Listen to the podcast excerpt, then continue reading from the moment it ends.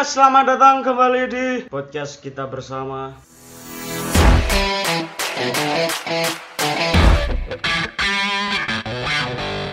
Hari ini kita bersama Adi. Nugroho alias Mamet. Mamet in the sky. Halo teman-teman semua. yo. Anda berasal dari mana? Aku aku dari Jawa Timur sih, tepatnya di Kediri. Kota tertua loh, Mas. Oh, iya. Kerajaan ter- terlama loh itu. Oh, Tua loh. Kediri. Jawa Timur ya? Iya. Prio saya Kerajaan. umur ya. 1104 piro ngono. Luwih tua teko. Indonesia. Iya. Tuwek kerajaan pertama, Bro. Jadi kita itu sudah berteman sejak awal masuk kuliah. Ya, 2016. Bisa didengarkan di episode sebelumnya bersama Bagas dan beliau juga yang ada di sini. Jadi kita ini sambil live Instagram ya.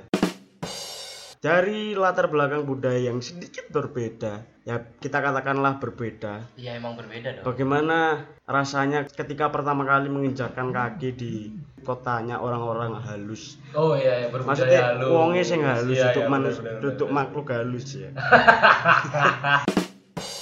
Ya sebenarnya gini ya, eh, aku nih dari Jawa Timur. eh, sebenarnya di Kediri pun eh, bahasanya tidak yang seperti eh, daerah Malang, Surabaya, Betul.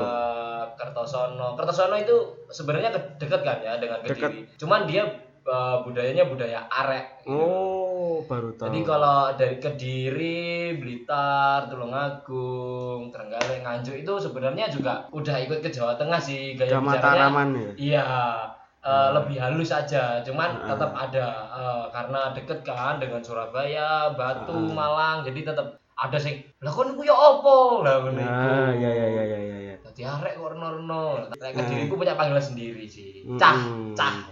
Hmm. Piye cah? Ngono. Bisa dibilang Kediri itu persilangan ya Iya, iya. antara budaya arek dan budaya Iya, Mataraman. iya benar-benar. Karena aku lihat di apa jenis jaranan Mhm. itu kan bisa dibilang 50-50 ya. Iya, fifty-fifty. Ada Mataramannya, ada Jawa Timurannya. Ada, ada, ada. Di kendangnya itu luar biasa. Ternyata Mamet ini adalah orang yang pernah tinggal di Surabaya. Iya. Surabaya terus Sidoarjo kan. Iya, dari Berarti- Surabaya ke anu, Surabaya coret. Oh iya iya. iya kan, Benar, Surabaya benar. coret kan. Neng Warung Iya. benar benar benar. Memang dari kecil sudah terbiasa berpindah-pindah tempat Iya, nomaden Mas. nomaden terus belajar lagi budaya yang berbeda terus akhirnya pas kuliah masuk ke Solo Ya ini anu eh, sedikit cerita ya Mas Hmm. tentang perjalanan hidup dulu Hmm. kecil. Eh, lahir di Kediri, Betul. terus umur 2 tahun itu aku diboyong ke Surabaya karena papa kerja di sana kan. hmm. Tinggal pertama kecil sampai sebelum TK itu aku tinggal di daerah Ngagel Mas. oh Di pasar Ngagel itu. Heeh. Pasar Ngagel itu kan ada rel kereta nah di situ ada pemukiman kecil itu pemukiman warga biasa. Aku merasakan jadi warga kampung di sana. Mas. Warga Hmm. kampung hidup dengan orang sekitar yang kehidupannya di pasar, kehidupannya jadi kuli bangunan kayak gitu dulu. Rumahku Hmm. belakang be- di Ngagel itu rumahku itu belakangku pas rel kereta pas. Hmm. Jadi ya sem- eh, tidur gitu kadang ya kata mamaku sih dulu kadang kalau ada Hmm. kereta gitu ah, kecilanku gampang rewel karena kaget. berapa tahun di Surabaya Eh, dari umur 2 tahun sampai SD kelas 6 hmm. Iya, terus lumayan lah ya pindah ke pindah ke Kediri karena papa pensiun sih jadi eh, mengendaki asli Surab eh asli Kediri ya mengendaki pulang kampung hmm. Terus akhirnya aku sekolah SMP di- sebenarnya mau maunya itu SMP-nya mau di Surabaya dulu. Mama yang pengen wis senang Surabaya sih ae. Hmm. gak usah mulai sih nah, tapi papa nggak tahu sih. Tiba-tiba aku daftarin aja di Kediri. Eh, ketika aku pulang ya juga pulang ke Kediri ya juga apa namanya mencocokin gaya bahasa lagi gitu loh. Ah betul. Orang Kediri ku ya mas. Hmm. ngerti bahasanya kita arek Surabaya ngono kekasaran mas. Kekasaran terus eh, aku menangkap gaya omong orang Kediri ku kecepetan oh. Lucu lek ngomong. Bener pokoknya intinya cer- cerewet cerawak tapi bingung. Iki ngomong apa sih? Aku ngono terus mereka nganggapku aneh ngono. Oh. bahasamu kok kayak ngono kasar banget. Terus gak anu ngomong kok karo nesu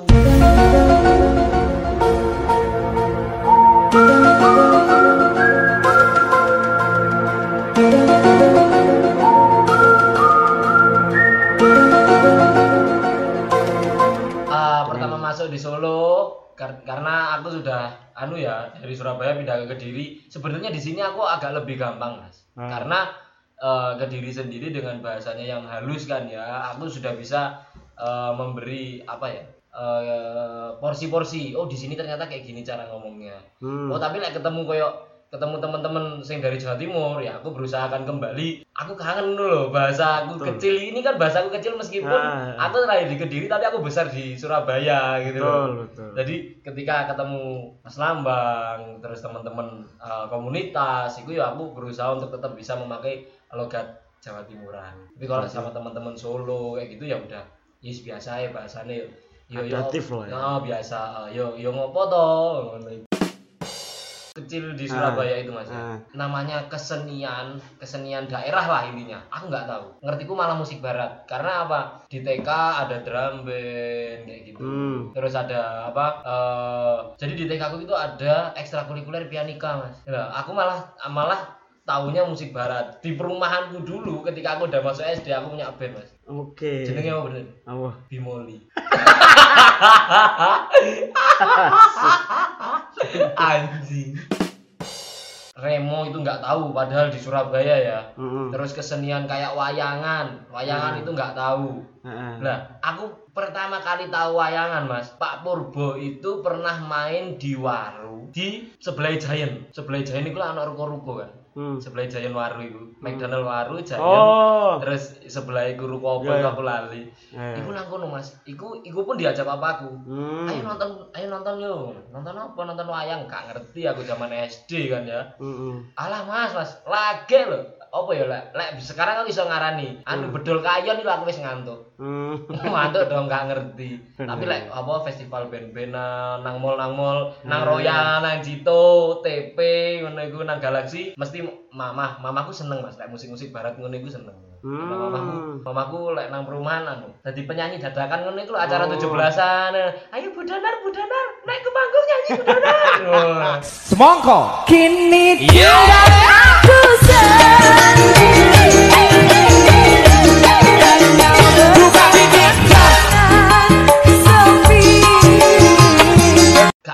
Gak ngerti. Kesenian. dan gak ada Gak ngerti. gak ada background seni tradisi. lah ketika pulang mas Hmm. pulang ke Kediri bahwa Kediri masih kental dengan kesenian jaranan iku Hmm.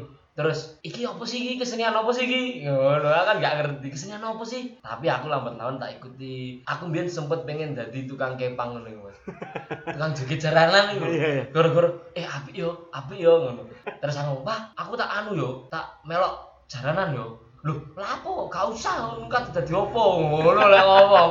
Kan dadi opo kon? Kesurupan-kesurupan sapa sing nambani ngono. Akhirnya suatu ketika di SMP ku, alma materku ini yang memintarkan aku mas, yang Hmm. uh, mendidikku untuk mengetahui seni budaya itu sebenarnya ini, ini dari sini nih. Ketika Hmm. ini cerita di mana aku uh, apa namanya mendeklarasikan diriku untuk masuk ke isi SMP ada ekstrakurikuler gamelan dulu. Terus eh, aku ikut, aku ikut mas pertama kali ikut itu tidak ada basic sama sekali. Belas gak ngerti. Eh, teman-teman yang sekolah di situ kan sudah ada ya basic anak jaranan itu kan udah Hmm. udah bisa lah main musik gamelan. Aku sama sekali enggak. Jadi aku yang dididik pada saat itu oleh guruku Pak Handi Matur nuwun ya Pak, mendidik aku. Pak Handi itu adalah lulusan STKW, Oh. tapi dulu dia eh, kuliah di Malang, terus pindah ke STKW Surabaya. Malah lek tradisi aku gak ngerti mas, tapi lek garapan-garapan ngono iku aku malah ngerti. Jadi aku dididik sama beliau ini garapan-garapan ngono kuwi. Jadi kayak lancaran, apalah, misalnya pembelajaran awal ngono lancar aku gak ngerti Hmm. sama sekali. Tapi memang dari awal garap-garap musik tradisi ini beliau itu senengannya digarap-garap ngono iku, aransemen-aransemen sendiri. Pertama kali ini mas lomba, Ah. lomba di apa namanya eh, lingkup kota kediri, lomba Hmm. karawitan, juara siji. Terus, Wah ternyata seperti ini ya sekolah. Aku seweneng tiap tiap hari ku hampir tiap hari latihan latihan latihan terus. Terus aku masuk ke SMK ini mas. Aku iku masuk SMK itu cuma-cuma mas, karena Bidangnya nih. bidang eh, cuma-cuma terus memang butuh gitu loh pada saat Hmm. itu karena di dua sekolahan ini gurunya ya guruku iki Pak Hadi Oh. Pak Hadi ini guru ekstrakurikulernya pada saat itu Hmm. nah ya wis bar iki anu ae bar SMP pindah nang SMK ngono Ah. Nah, aku masuk SMK tapi aku gak ngerti jurusan apa ya ngono. SMK kan langsung ke jurusan aku kan gak ngerti, Mas. Aku aku mau ke sana karena di sana ada guruku dan Hmm. aku masukku gampang ngono loh. Oh iya iya. Jadi iya, gitu iya. ceritanya. Aku dulu pilihanku itu leka TKJ karo pariwisata, Mas. Teknik komputer jaringan. Hmm. Kan aku eh, SMP seneng dolanan ayo dance. Iya iya. Point blank ngono iku Hmm. wis iku. Tak warnet? TKJ. Iya, dari warnet. Kok ternyata aku ketomponin yang pariwisata. Tapi ya ya untungnya masih ada lah ya Hmm. Masih eh, ada. kesinambungan antara pariwisata dengan seni, Seni, budaya. betul. Sekolah pariwisata udah jelas ya kan. Jurusannya apa? Usaha perjalanan wisata. Oh. UPW. Iku apa prospeknya? Jadi Prospeknya jadi tour planner yang bikin-bikin jadwal itu. Oh. Terus bisnismen dalam arti kamu bisa punya apa agen agen penjualan tiket atau apa agen eh, paket wisata kayak gitu. Terus Masuk. bisa jadi tour guide, Hmm. bisa jadi translator juga kayak gitu sih sebenarnya. Terus bisa kerja di hotel juga. Oh. Tapi di hotel eh, cuman masuknya ke divisi front office sih front office. karena memang eh, ada public speakingnya di sana. Nah. kita kita ini. belajar Inggris, Betul. Perancis, Oh. Jerman kayak gitu.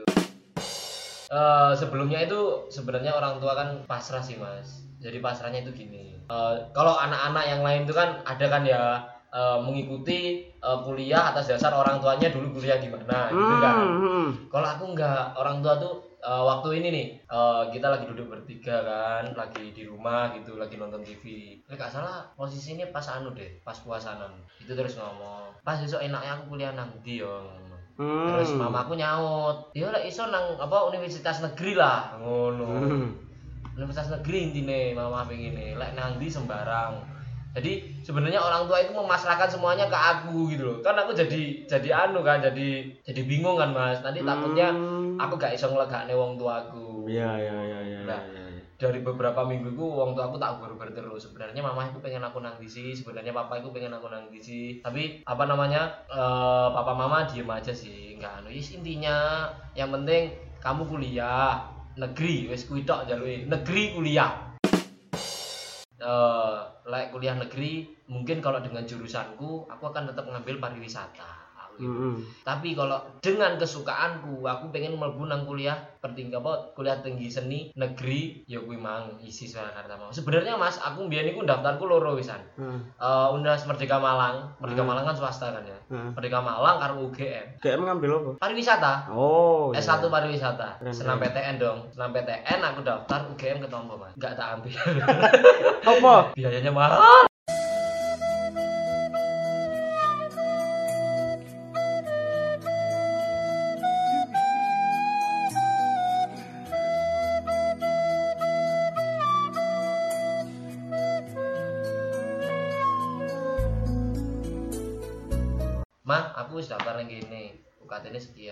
Terus mama cuman, ya semoro, ya seneng, sebenarnya seneng cuman eh, karena ekonomi keluarga waktu saat itu terganggu, Hmm. terus eh, papa collab kan Hmm. kerjaan terus akhirnya wis tak neng isi air Hmm. jadi sebenarnya aku juga kasihan orang tua juga kasihan adik tingkat karena senam PTN ketika nggak diambil kan eh, Oh. di bawahnya kan keblok satu Hmm. satu tahun kan Hmm, modelnya kan iya, seperti iya. itu kan Iya iya iya. iya. tapi aku tak oyo nang UGM wong tua aku sing bonjrot aku gitu Bener bener. terus akhirnya ya udahlah aku apa namanya aku tak nangisi ae ngono ceritane Iya sebenarnya aku masuk ke isi nekat mas. Aku tidak ada pembekalan eh, tradisi di Ah. sini, nggak ada. Lek garapan aku bisa, tapi lek Ah. tradisi enggak, sama sekali enggak, nggak Iya, ada. Iya iya iya. Jadi aku berangkat itu eh, empat orang. Elvira, Niken. Kalau Elvira Niken ini dari SMP dia memang SMP-nya adalah SMP yang eh, eh, jadi gini. SMP ku sama SMP mereka cewek berdua ini adalah SMP PPST ya. Hmm. Pusat Pengembangan Seni Tradisi ya kan di Jawa Timur kan ada kan skala PPST. Betul betul. betul. Nah, tapi PPST pertama di Kota Kediri itu di SMP ku. Di Hmm. SMP Polri Tanda 1 itu pertama kali ada PPST cikal bakal dari beberapa SMP di Kota Kediri yang akhirnya untuk mengukuhkan juga ikut menjadi sekolah PPST. Hmm. Terus. Tuh, kalau di tempatnya Niken Elvira, mereka memang pembelajarannya basicnya tradisi. Sebenarnya aku juga ada tradisi, Mas. Tapi tradisiku Jawa Timuran. Jadi kayak eh, Malangan sama Surabaya ya karena tadi itu tadi Pak Karena Handi background itu kuliahnya di UM terus habis itu pindah ke STKW jadi pembelajarannya materi jadi kayak apa gading ali terus apalagi Hmm. tari beskalan terus eh, apalagi ya remo itu aku sudah tahu dulu Ah. tapi eh, tidak di didalami tidak didalami Ah. hanya sebatas sebatas diajari terus nanti dipentasin kalau ada acara apa gitu doang. Oh, keren. jadi nggak nggak ada basic pendalaman nggak ada sih. Terus masuk ke isi aku nggak kenal siapa-siapa cuman kenal Niken Elvira sama Julang nih. Mm-mm. Nah, aku masuk ke isi itu mandiri. Dan memang nggak nggak mungkin juga. Gimana sih? Gimana ya mlebu ning isi aku gak duwe latar belakang loh mas kan aku gitu. Nah, akhirnya aku dibantulah oleh salah satu alumni mas Hmm. alumni isi yang sekarang menjadi guru SMA 1 tapi Hmm. beliau sudah sepuh sih Ah, Nah, Pak Pak Pak Yadi itu adalah orang yang menjembatani saya, yang memberitahu saya bahwasanya kuliah di ISI itu seperti ini, nanti kamu akan seperti ini, seperti ini. Eh, targetku setelah lulus kuliah ini sebenarnya, Mas, eh, ada saudara sih di Bandung yang ngajak aku untuk, Mas, kalau tante, tante, tante, kalau Hmm. udah selesai kuliah, kabarin tante hidup di Bandung, gitu, Loh. bilang gitu. Tante bilang nanti kita eh, tak carikan kerja. Tante kan udah bilang gitu kan. Tapi kalau di kalau misalnya aku harus ke Bandung kan berarti aku memang harus eh, kalau kasarnya bilang aku cari channel lagi. Eh, sebenarnya tinggal aku sendiri sih kembali lagi ke aku. Kalau ke orang tua mama papa mah kalau sama aku ah ya Ah. sak sak sak karepmu sak karepmu intinya gitu.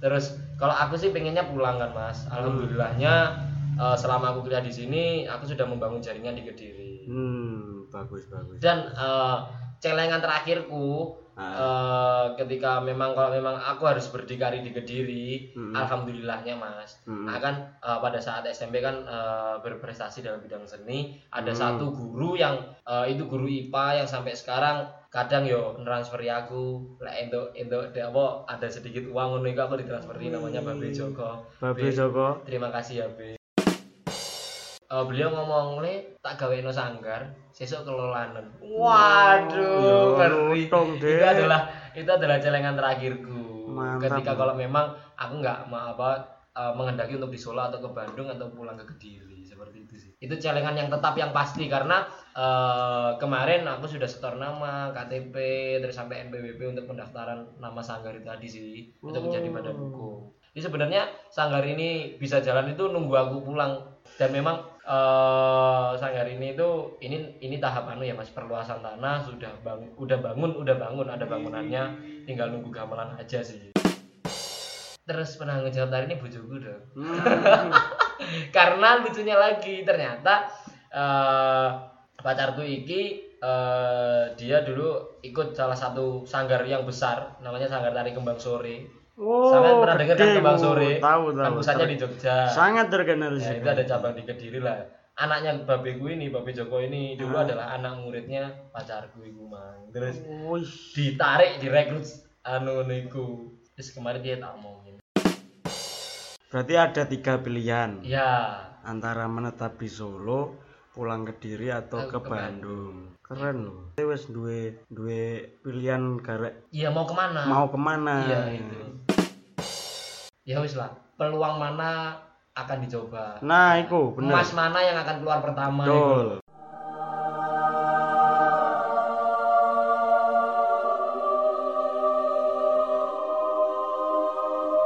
Awak dhewe wong lanang, Bro. Lah iku makane awal-awal kuliah dengan usia yang belum segini kan mikire aku lulus jadi seniman lah, jadi Iya. komposer hebat Iya, dadi bener, emangnya. bener. Tapi ketika semakin berjalannya usia terus harus berkompromi dengan hidup selanjutnya. Pemene wong lanang lagi lho. Iya. Abote dadi wong lanang rabi anake wong nek penggaweane gak Gak cetol, Gak cetol. Orang tua mau orang muring. Jangan menjadi orang jahat kalau kamu nggak ingin dijahatin. Thank you. betul. Nakal boleh, tapi jangan jadi orang jahat.